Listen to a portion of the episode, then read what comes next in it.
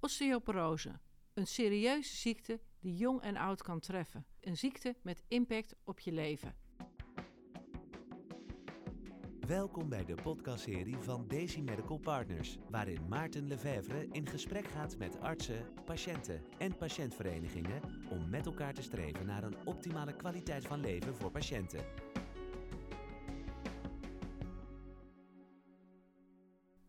Vanuit onze podcaststudio in Haarlem gaan we het vandaag hebben over osteoporose. Uh, we bespreken wat osteoporose voor aandoening is, hoe een diagnosetraject eruit ziet en wat de rol is van de osteoporosevereniging in Nederland. En te gast zijn Agnes Offenberg, verpleegkundig specialist uit het Saans Medisch Centrum, osteoporosepatiënt Barbara Wendt en directeur van de osteoporosevereniging Hendrien Witte. Dames, wat een leuke samenstelling. Uh, hier met z'n allen in Haarlem. Welkom. Dankjewel. Dankjewel. Ja, was, leuk uh, om hier te zijn. Ja, het was even zoeken, maar uh, we zijn gearriveerd. Dat is Fijn. hartstikke mooi. Agnes, als verpleegkundig specialist behandel jij osteoporose. En wat houdt de ziekte precies in en, en wat zijn eventueel symptomen? Ja, dat klopt. Ik uh, behandel patiënten met osteoporose. Osteoporose is een aandoening. En ik zeg speciaal aandoening, want het is geen ouderdomsverschijnsel. Maar het is een voortschrijdende aandoening die het bot zwakker maakt, steeds zwakker. En daardoor een verhoogde kans op breken oplevert. Het geeft eigenlijk geen klachten, je merkt geen symptomen. Maar het is een stille aandoening en uh, is goed om heel alert op te zijn. En Barbara, jij bent patiënte. En op welke manier uh, beïnvloedt de aandoening osteoporose nou het leven van, uh, van een patiënt? Ja, dat is heel divers. Er zijn mensen uh, die nog niks hebben gebroken, wel weten dat ze osteoporose hebben en daarna leven. Um, soms ook het gevoel hebben dat ze op een soort tijdbom leven, dat er elk moment wat mis kan gaan. Mm-hmm. Maar er zijn ook mensen die al diverse breuken hebben gehad of wervelfracturen hebben gehad, uh, waardoor ze veel pijn hebben of uh, minder goed kunnen lopen, minder goed kunnen bewegen. Dat kan uh, heel divers zijn en heel pijnlijk en moeizaam verlopen ook. Ja, dat kan ik me voorstellen. En Agnes, bij welke mensen komt osteoporose voor? Want ik begrijp dat, uh, hè, dat er verschillende leeftijdscategorieën zijn. Ja, het ligt een beetje ook aan de vorm van osteoporose, maar botziekten komen eigenlijk op alle leeftijden voor. Maar osteoporose, zoals we die uh, zeg maar actief opsporen en behandelen, vooral bij de mensen van boven de 50 jaar. Uh, daar is echt een, uh, een, nou ja, zeg maar een protocol voor als je boven de 50 bent en iets breekt. Dan krijg je vervolgonderzoek. Ja. Maar er zijn zeker ook patiënten jonger dan 50 jaar en zelfs kinderen die osteoporose in een bepaalde vorm uh, kunnen hebben. Um, ja, en daar, die komen vaak via doorverwijzing bijvoorbeeld. En dan is het ook vaak ten gevolge van een andere aandoening bijvoorbeeld dat ze dat ontwikkelen. En um, wat is dan het verschil bijvoorbeeld tussen wat jongere patiënten tussen de 20 en de 30 en de 50? Uh, het verschil is uh, dat er uh, soms een andere aandoening aan ten grondslag ligt. Ja. Het verschil is ook de behandelmethode. Je houdt met andere dingen rekening. En ook de fractuurkans, of die hoger of lager is, kan verschillen per leeftijd en per, nou, ook per ziektelast, zeg maar, en, en hoe iemand in zijn vel zit, hoeveel last hij van aan andere aandoeningen heeft. Als iemand bijvoorbeeld een verhoogde valkans heeft of, of minder sterk is, dan kan de fractuurkans daardoor ook verhogen. En als je dan bijvoorbeeld nog wat ouder bent, 70, um, hè, loop je dan nog meer risico? Dat kan, dat kan. Ja, het, ligt, het is natuurlijk een beetje per patiënt verschillend, hè, wat er allemaal meespeelt. Ja. ja. En het is belangrijk dat symptomen worden herkend en erkend en dat er zo vroeg mogelijk een uh, diagnose wordt gesteld. En patiënten kunnen hier zelf ook actief een, een rol in aannemen. En uh, verschillen de symptomen van jongere patiënten ten opzichte van die van 50-plussers? Nou, de symptomen, uh, voor zover ik weet, eigenlijk niet. Nee. Maar wel bijvoorbeeld behandelmethoden. Ja, en idealiter komt een patiënt uh, met symptomen altijd bij de juiste arts terecht. En um, ja, helaas is dat niet altijd het geval. Maar wanneer uh, moet je bij een huisarts er nou echt op aandringen dat een uh, diagnosetraject gestart wordt? En heb je dan over een specifieke leeftijdscategorie? Of? Uh, nee. Um, nou, als patiënten jong zijn en, en kans hebben om osteoporose te hebben, dan is het vaak de behandelaar van een andere aandoening die scherp is daarop. Uh, en als patiënten boven de 50 zijn en een fractuur hebben, ja, dan is het een goede zaak om te vragen om uh, een botdichtheidsmeting. Ja, En dat is, dat, dat is het belangrijk, uh, een belangrijke tool in het diagnosetraject. Klopt, ja, dat is zeg maar de gouden standaard. Ja, want hoe verloopt zo'n diagnosetraject? En wat is dan bijvoorbeeld de rol van de huisarts en van de behandelend arts? Um, de huisarts die kan uh, ja, wat we noemen de case finding doen, dus, dus uh, het alert zijn op de kans op. Uh, en, maar ook bijvoorbeeld na, na, na een fractuur kan een chirurg verwijzen naar een osteoporosepolie voor onderzoek. En Barbara, ho hoe is dat bij jou verlopen, dat diagnosetraject? Nou, bij mij was het heel duidelijk. Ik viel en daardoor brak ik meerdere wervels. Um, dus bij mij werd er automatisch daarna ook foto's gemaakt en een botdichtheidsmeting gedaan. Dus dat was een heel duidelijk traject daardoor en had ik ook snel de uitslag. Maar het kan natuurlijk zo zijn dat mensen um, minder makkelijk die diagnose krijgen, omdat ze niks gebroken hebben um, en het dan soms ook niet weten. Maar bijvoorbeeld wel mensen in hun familie hebben die een erfelijke vorm hebben. En dan eigenlijk vaak te lang afwachten. Want hoe eerder je het weet, hoe beter het is. Dus die diagnose stellen is wel heel belangrijk.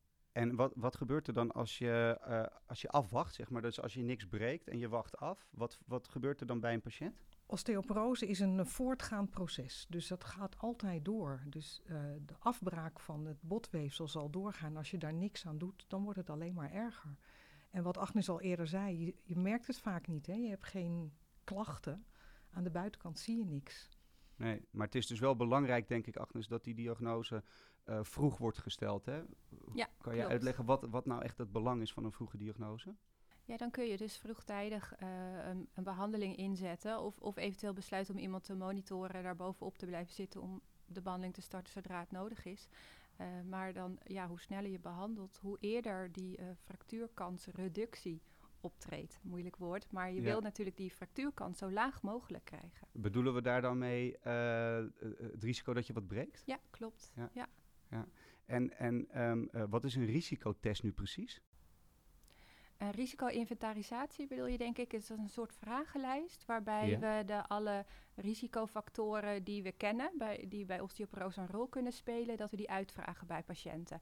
En dat kan zijn over, nou ja, inderdaad, wat speelt in de familie, um, um, rookt u, uh, de, hoeveel zuivel uh, gebruikt u, komt u buiten? Uh, hoe fit bent u? Zijn er onderliggende ziektes? Uh, bepaalde medicatie waarvan we weten dat die in van invloed zijn op de botsterkte. Dus dat soort dingen vragen we allemaal uit en dan komt een soort van puntenscore uit. Ah, zo. Ja. En, en dat is dus dat is eigenlijk voor de diagnose. Het helpt bij de diagnose. Ja, in feite vinden we dat een heel belangrijk onderdeel van het stellen van de diagnose. Dus je doet de anamnese, dat levert al heel veel informatie op. Dat, daar stel je al die vragen. En dan uh, aan de hand, dan heb je in je hoofd, nou iemand heeft een hoger risico of valt wel mee. En dan als, die, als het risico hoger uitvalt, dan kan je vervolgonderzoek instellen. En dat is die boldichtheidsmeting en bloedonderzoek. Helder. Dankjewel. Barbara, met oog op uh, verbetering van, uh, van de patient empowerment. Um, hoe kan de patiënt zich het beste voor een screening of, of zo'n diagnosetraject voorbereiden? Wat kan hij of zij daar zelf in betekenen? Nou, het is bijna altijd fijn om iemand mee te nemen. Want op het moment dat zoiets gebeurt, uh, ben je soms wat nerveus. En dan is het prettig als er iemand bij je is: een, een vriend of een familielid, een partner. Uh, op de osteoporosevereniging.nl uh, kan je een, uh, een starterset samen beslissen vinden. En daar staat ook heel veel in uitgelegd van wat er allemaal gebeurt in het diagnosetraject. Dus dat is fijn om van tevoren door te lezen en het eventueel mee te nemen. Soms kan je meeschrijven tijdens uh, de diagnose of de uitleg. En um, ja, heel veel mensen hebben tegenwoordig een digitaal dossier en kunnen dan nog eventjes in het dossier daarna kijken wat nou precies de uitslag was. Want als je dan weer thuis komt en je hebt dat wel allemaal gehoord, dan is het prettig om het nog een keer terug te kijken. Ja, het is natuurlijk redelijk impactvol uh, als je in het ziekenhuis zit. Je geeft al een aantal hele mooie tips. Uh, vanuit jouw rol als, je bent natuurlijk zelf patiënt. Wat zou jij die patiënten in Nederland nu echt willen meegeven? Wat is volgens jou het belangrijkste wat ze moeten meenemen in zo'n traject? In het traject zelf, ja. Ja, nou, ja eigenlijk vooral dat ze um, goed luisteren wat er aan de hand is. En goed begrijpen wat er aan de hand is. Want heel vaak wordt er tegen je gezegd, ja, je hebt osteoporose. En dan merk je dat mensen het eigenlijk niet weten wat dat is. Dus zoek het op, vraag het na, kijk op de site van de vereniging. En wees ook niet bang om daar vragen over te stellen. En realiseer je dat het niet verdwijnt, ook al zie je aan de buitenkant niks. Dus dat je best als patiënt veel zelf eraan kan doen. En wat kan de patiënt doen tijdens de behandeling? Nou, indien mogelijk zoveel mogelijk bewegen. Uh, vooral wandelen is heel erg goed. Elke stap uh, maakt weer nieuwe botcellen aan. Goede voeding is van belang, vooral met calcium, want daardoor uh, wordt dat in de botten opgenomen. En als het nodig is, medicatie. Die drie dingen zijn ontzettend belangrijk. Hendrien, um, jij bent directeur van de Osteoporosevereniging. Ja. Welkom. Dankjewel. En wat is nou de rol van de vereniging? Barbara stipt het net al even aan. Misschien Ja. goed om daar even mee te beginnen. Ja, nou ja, die, die rol van die vereniging die is, eh, meer, die gaat meer kanten op. Hè. Allereerst zijn we er voor de patiënt. En wij vinden het heel belangrijk dat mensen die de diagnose krijgen... of misschien denken dat ze het hebben, zich goed kunnen voorbereiden. Dus we geven veel voorlichting eh, over wat, wat is het nou. Maar we proberen ook mensen eh, te stimuleren om voor zichzelf na te denken... wat vind je nou belangrijk? Wat wil je in het leven kunnen blijven doen? En hoe kan jouw behandeling er dan voor zorgen of eraan bijdragen dat je het ook doet. Of hoe ziet jouw behandeling eruit? Nou, zo dat, dat je ook echt die behandeling krijgt die bij jou past. Eh, we maken ook eh, themanummers over bijvoorbeeld kleding. Vrouwen gaan er anders uitzien, worden krom, worden dikker op een middel, hebben op sommige plekken pijn. Nou, dan hebben we bijvoorbeeld een themanummer gemaakt. Hoe kan je je kleding erop aanpassen, zodat je je weer, nou ja, als je er uiterlijk fijn uitziet voor jezelf, voor je eigen gevoel, dan geeft dat ook een, een goed gevoel. Creatieve Hè? inslag. Nou ja, maar het, het, het is, het is wel waar mensen behoefte aan, eh, aan hebben.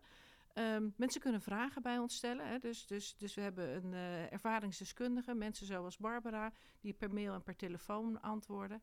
En daarnaast doen we natuurlijk belangenbehartiging. En dat gaat enerzijds over kwaliteit van zorg. Dus bijvoorbeeld, wij gaan met Agnes in gesprek of met een ziekenhuis in gesprek of met ergens een regionale organisatie in gesprek van goh, hoe hebben jullie de zorg nou georganiseerd? Wat is de kwaliteit? En we doen aan belangenbehartiging als het gaat bijvoorbeeld, nou, recent was vitamine D, gaat misschien uit het verzekerde pakket. Nou, dan halen we op wat mensen belangrijk vinden. En we proberen de Tweede Kamer te beïnvloeden of het Zorginstituut. Maar allemaal vanuit het perspectief van wat hebben mensen met osteoporose nodig en wat vinden zij belangrijk. En ehm, zijn er ook jongeren aangesloten bij de vereniging? En, en is dat een belangrijke doelgroep voor de Nou, ik vereniging? zou bijna zeggen helaas wel. Uh, maar gelukkig zijn ze ook bij ons aangesloten, omdat we merken dat zij wel echt op een andere manier naar hun ziekte kijken, op een andere manier informatie tot zich nemen. Dat, maakt echt uit of je mensen van 70 plus en ouder hebt, of dat je met mensen met 5 van 25 aan het praten zijn. En ze zijn ook steeds meer lid. Ze hebben andere problematieken. Ze willen sporten, ze willen werken, uh, of ze moeten werken, ze willen kinderen krijgen of hebben kinderen. En dat heeft een andere uh, dynamiek dan als je 70 plus of ouder bent. Um, dus ja, ze zijn lid. En onze, een van onze jongste leden, 23 jaar, is ook lid van ons vragenteam. Uh, er zijn een aantal mensen als jonger die als achterwacht zijn voor ons. Dat als mensen met de jongeren willen praten. Eh, om om de eigen, van die eigen ervaringen te kunnen leren, dan kunnen we die met elkaar in contact brengen. Een hoop initiatieven. Ja. En, en zijn er ook um, elders in het land nog initiatieven met betrekking tot osteoporose die, die belangrijk zijn uh, voor de luisteraar van de podcast?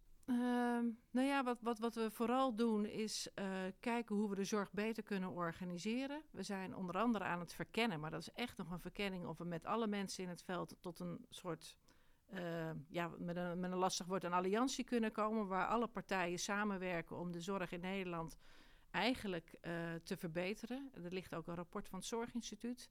Dat noemen ze mooi een verbetersignalement osteoporose met allemaal aanbevelingen. Dus dat loopt ook. En dat zijn wel dingen waar wij dan vanuit de vereniging vooral het patiëntperspectief inbrengen. Zo van wat vinden mensen nou belangrijk? Ja. En Barbara gaf net al een hele mooie uh, tip aan de luisteraar. Uh, Agnes, misschien goed om, om die ook even aan jou te vragen als uh, verpleegkundig specialist. Als jij de osteoporose patiënt een tip mee zou mogen geven, hoe zou je die dan vormgeven? Ja, ik hoor, ik merk aan patiënten, en, en dat heb ik trouwens uh, zelf ook hoor, als ik op een spreekuur kom als patiënt, uh, dat je wel eens overvallen bent uh, door, nou ja, door de ambiance, zeg maar. En dat alle vragen die je thuis nog heel goed wist, dat je die weer kwijt bent. En dan sta je buiten en denk je, potverdikkie. Dus schrijf je vragen anders gewoon op. en stel ze en, en, voel je vrij ook zeker om dat te doen. En een hele belangrijke tip wil ik me aansluiten bij Barbara, is neem iemand mee. Want dat is echt heel fijn. En we merkten vooral in de COVID-tijd, toen, dat, uh, toen daar restrictie op was in de ziekenhuizen, dat dat ook echt vervelend was. Voor de patiënt, maar ook voor de zorgverlener. Want ja, je hebt, uh, je hebt er vaak heel veel aan als je steun bij je hebt. Ja, een beetje vertaling thuis misschien ook van uh, wat jij dan hebt ja, gezegd. twee horen meer dan één, zeg ik altijd. Ja. ja. En uh, Hendrien, zou jij dezelfde tip willen meegeven aan de luisteraar vanuit je rol als directeur nou ja, van de vereniging? Ik zou eraan toe, aan de, aan de beide de, dames willen toevoegen. Weet wat je zelf belangrijk vindt. Wat wil je blijven doen in je leven? En bezoek onze webinars en onze bijeenkomsten, zodat je extra goed voorbereid bent en ook op het traject in de behandeling. Want het, start, het stopt niet bij de diagnose, het gaat daarna verder. En je moet echt veel zelf doen. Ja. Het is niet alleen het medicijn, maar je moet bewegen, je voeding. Dus het heeft ook iets te maken met hoe je je leven inricht. En misschien goed om nog even dan uh, de website te benoemen. Van Zeer zeker. Daarom dacht ik al, ik maak even een bruggetje naar de webinars en onze bijeenkomsten. Zijn allemaal te vinden op de website. Zoals ook het uh, samen beslissen, het persoonlijk behandelplan wat Barbara zei, maar ook heel veel informatie. Ook over informatie over je hebt een andere ziekte en daardoor ontstaat osteoporose. Over werk, uh, jongeren. Dus het is een scala aan informatie. Nou, dames, uh, hartelijk dank. Ik vond het een erg leuke podcast. Dankjewel. Dankjewel. Leuk om hier te zijn.